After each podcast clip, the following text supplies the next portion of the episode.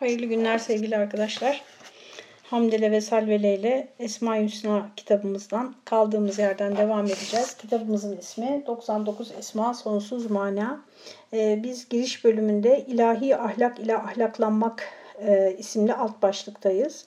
E, bugün okuyacağımız bölüm e, hassasiyet gerektiren, dikkat gerektiren hem ifadeleri seçerken hem de e, dinlerken e, yanlış uçlara kaymaktan e, korunmamız gereken bir konu. Elhamdülillahi Rabbil Alemin ve salatu ve selamu ala Resulina Muhammedin ve ala alihi ve sahbihi ecma'in. Şöyle başlamışız. Kulların Esma-i Hüsna'nın manalarını iyi bir şekilde anlamaları gerektiğini vurgulayan Gazali'ye göre insan gerçek saadete ancak ilahi ahlak ile ahlaklanmak suretiyle ulaşabilir. Girişte hemen e, Gazali'den bir alıntıyla başlamış olmamız da bizim bu konuda ne kadar e, dikkatli olmaya çalıştığımızı gösteriyor. Çünkü e, kendimizden aktaracağımız bir söz e, yanlış olabilir, yanlış anlaşılabilir. E, efendim haddimizi aşmış olabiliriz. Dolayısıyla böyle bilhassa itikadi açıdan e, incelik, ince ayar gerektiren konularda arkadaşlar e, daha da dikkatli olmamız gerekir, e, seçici olmamız gerekir. Şimdi ne dedi Gazali bize burada? İnsan gerçek saadete ancak ilahi ahlak ile ahlaklanmak suretiyle ulaşabilir. Ne kadar iddialı bir cümle değil mi? Yani ilahi ahlak ile ahlaklanmak ne demek? Yani bir kul ilahi ahlakla ahlaklanabilir mi? Hemen o tedirginliği ifade etmişiz biz de e, devamında. Bu ifade ilk bakışta insanı tedirgin eder. İnsan nasıl olur da ilahi ahlak ile ahlaklanabilir? Hatırlara hulul nazariyesini getiren bu ifade eğer bir hadis-i şerifte geçmeseydi yine bu cesaretle buraya yazabilir miydik bilmiyorum. İsterse Gazali söylemiş olsun. E, hulül nazariyesi ne, neydi onu hatırlayalım arkadaşlar. Detaylarını lütfen e, kelam kitaplarından, tasavvuf kitaplarından, e, ansiklopedilerden bak, bakmanızı tavsiye ederim eğer e, aklınıza takılan bir husus ise. E, hulul bir şeyin iç içe geçmesi demek. Bir şeyin başka bir şeyle içli dışlı olması demek. Halil de buradan geliyor. Halil böyle içli dışlı olduğumuz çok yakın dost demek. E, İbrahim Halilullah dememiz efendim Hazreti İbrahim'in Cenab-ı Hakk'a çok yakın olduğunu, Cenab-ı Hakk'ın onu e, kendisine dost olarak seçtiğini e, ifade eden bir e, sıfattır. Dolayısıyla hulul nazarisi, nazariyesi de, hulul teorisi de Cenab-ı Hakk'ın kainatın her zerresinin içinde içkin olduğunu ifade eden, bugün böyle çok modern sufilerin de e, böyle büyük bir e, aşkla, şevkle anlattıkları bir konudur bu. Ve biz de böyle dinlerken bazen kendimizden geçeriz. Yani o kadar zevkli ifadelerle, o kadar büyük bir e, tırnak içinde ünlem var burada. Aşkla anlatırlar ki bu konuyu. Aslında o sırada ne yaptığımızı, itikadi açıdan nereye savrulduğumuzu fark etmeyiz bile.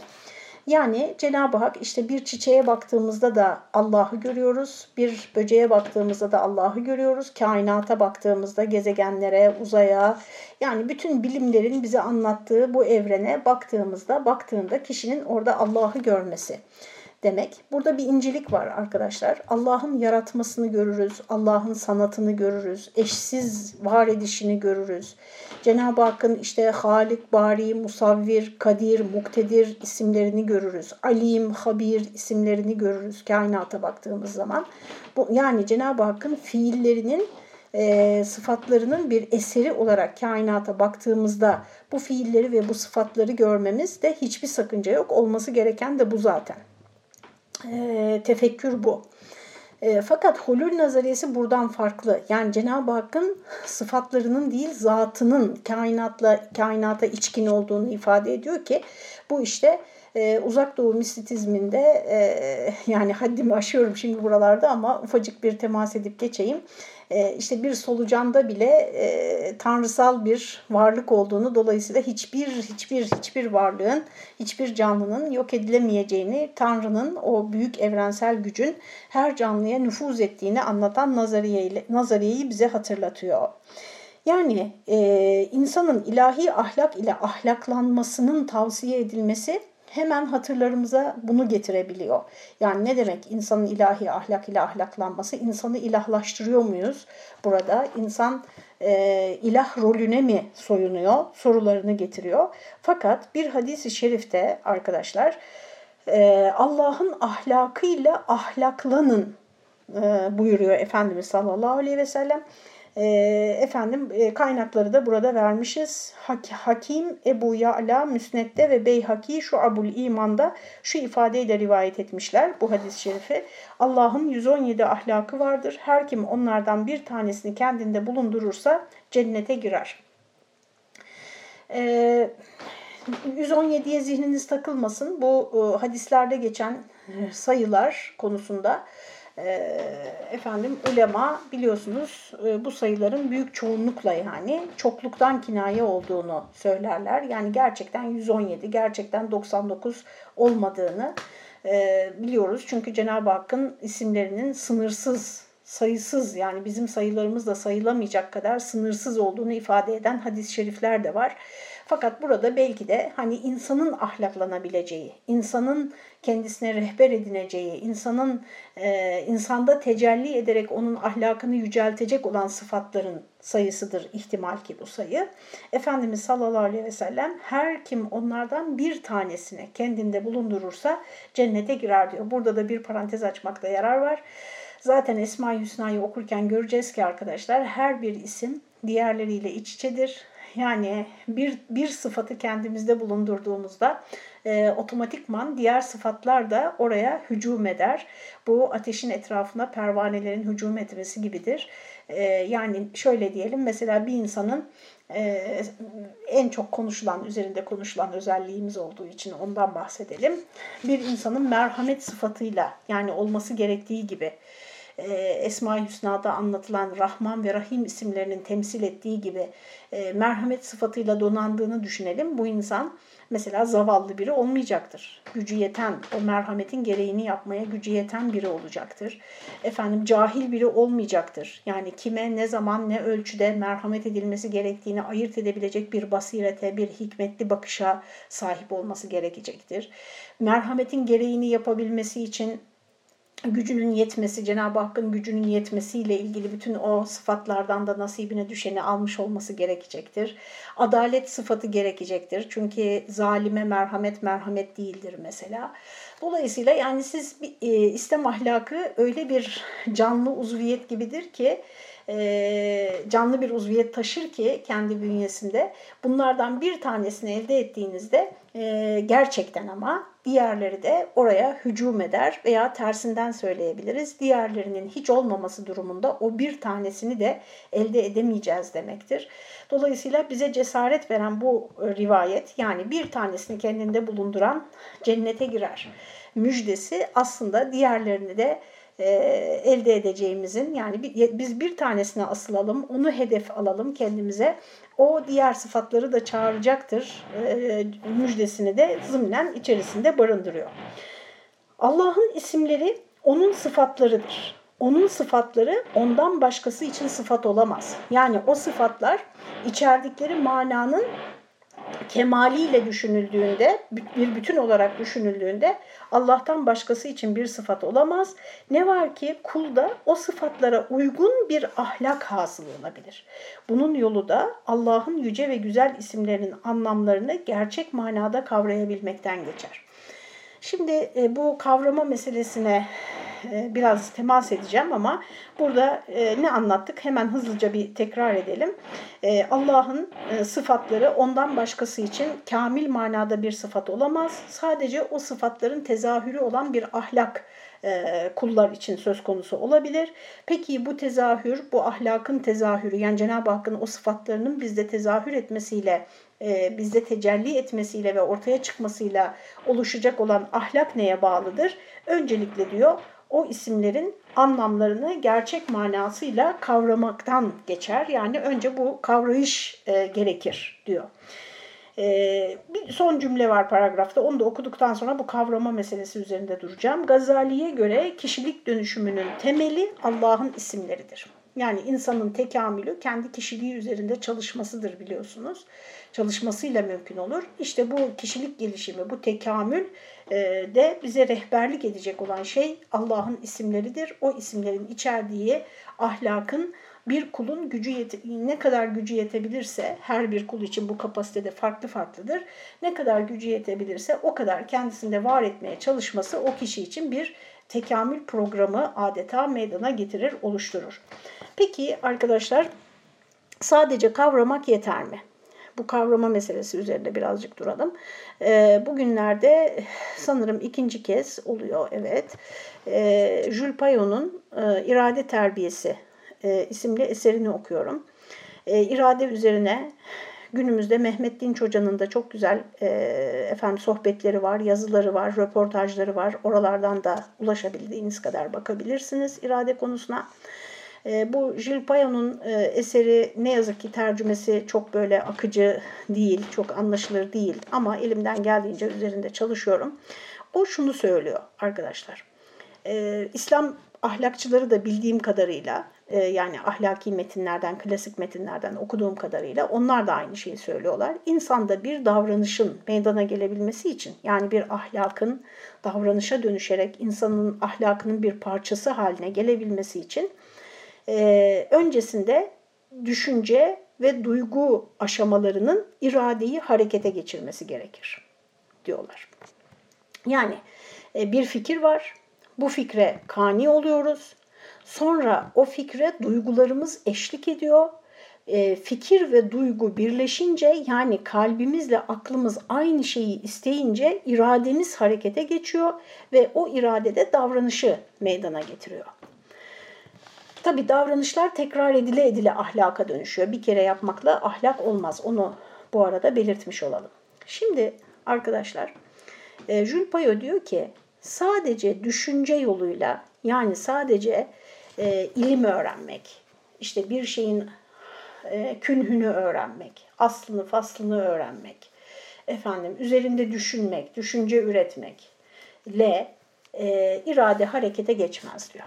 Ve bununla ilgili çok detaylı örnekler veriyor arkadaşlar. Ben de aynı kanaatteyim. O kanaati canlı gönülden paylaşıyorum. E, bir insanın Mesela neyi değiştirmek istiyorsunuz? Faraza yeme alışkanlığınızı değiştirmek istiyorsunuz. Veya konuşmayla ilgili bir probleminiz var. Çok konuşuyorsunuz, söz kesiyorsunuz diyelim ki. E, efendim bende de vardır öyle dertler. E, bu bununla mücadele etmek istiyorsunuz. İşte okuyorsunuz bunun ne kadar e, size zarar verdiğini, işte ahlakınızın gelişmesine engel olduğunu, tekamülün önünde bir engel olduğunu, dürtüsellik göstergesi olduğunu falan okuyorsunuz.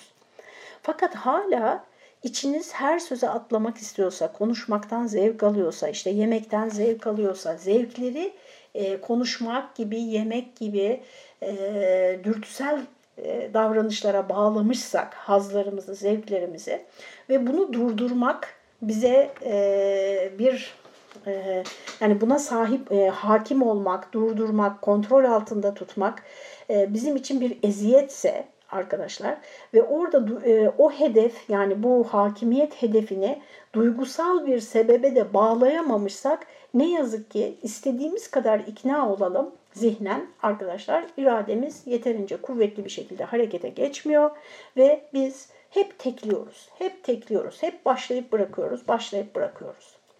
Bu bakımdan yani burada buna işaret etmemişiz. E, o eksikliği de bu konuşmada, bu sohbette belirtmiş olalım. Sadece zihinsel olarak kavramak insanın ahlakını dönüştürmek için yetseydi arkadaşlar bütün bilgi sahibi olan insanların mesela nice e, müsteşrikler var değil mi? Allah'ın sıfatları konusunda, kelamdaki bu konudaki tartışmalarla ilgili eserler yazan, yazdıkları eserleri bile anlamaya e, bizim kapasitemiz el vermiyor. Böyle üzerinde çalışmamız gerekiyor. O derecede derinlikle kavramış ama kalp ona eşlik etmediği için onda bir inanca ve ahlaka dönüşmüyor, kurtarıcı bir dönüşüm meydana getirmiyor. Bu bakımdan arkadaşlar bu e, duyguların, kalbin burada atlanmış olmasını e, düzeltelim. Bir. İkincisi e, şunu da demek istemiyoruz sakın ha. Yani düşünceye gerek yok. Bir insan işte böyle bir şey, bir e, hedefe çok duygu duygu bağlarsa, yani çok e, duygusal bir şekilde bir şeyi çok şiddetle arzu ederse, e, etraflıca bilmesine gerek yok. Onu başarır da demiyorum. Arkadaşlar, bilginin e, rehberlik etmediği duyguların insanı aşırılıklara götürdüğü kanaatindeyim bütün fanatizmlerinde buradan doğduğu kanaatindeyim. Evet, Allah Teala devam ediyorum okumaya. İsimlerini ve sıfatlarını sevdiği gibi, yani kendi isim ve sıfatlarını sevdiği gibi, bunların eserlerinin kullarında görünmesini de sever. Yani şimdi Cenab-ı Hakk'ı e, kendimizle asla tabii ki mukayese edemeyiz ama anlayabilmek için, söylenen burada söylenen şeyi anlayabilmek için bir örnek verelim arkadaşlar. Faraza e, sizin çok yüksek bir estetik zevkiniz var veya bir beceriniz var, yüksek düzeyde bir beceriniz var herhangi bir konuda. Diyelim çok güzel yemek yapıyorsunuz. Bu sizde bir potansiyel olarak durmasını istemezsiniz değil mi? Yani yaptığınız işte görünmesini istersiniz. E, zaten Cenab-ı Hak niçin bu alemi yarattı sorusuna Sufiler böyle cevap veriyorlar. E, acizane benim de kanaatim bu yöndedir. Bazı genç arkadaşlarla bu konuyu konuşurken e, verdiğimiz örnekler e, onlar için de e, sadra şifa olduğunu kendileri ifade etmişlerdir. Nedir o örnekler? Yani siz hiç e, bir resmi olmayan ressam biliyor musunuz? Yani birine ressam denir mi? Ortada hiçbir resmi yoksa. Birine aşçı denir mi? Yaptığı hiçbir yemeği görmemişsiniz. Ama mesela çok iyi biliyor. Gerçekten ocağın başına geçtiğinde çok şahane şeyler yapacak. Ama bugüne kadar hiçbir tencere bir şey pişirmemiş. Veya bir tane bile resmi yok ortada. İşte diktiği, ürettiği bir tane bile giysi olmayan birine terzi diyebilir miyiz? Değil mi? Çocuğu olmayan birine anne diyebilir miyiz? Gibi düşünün.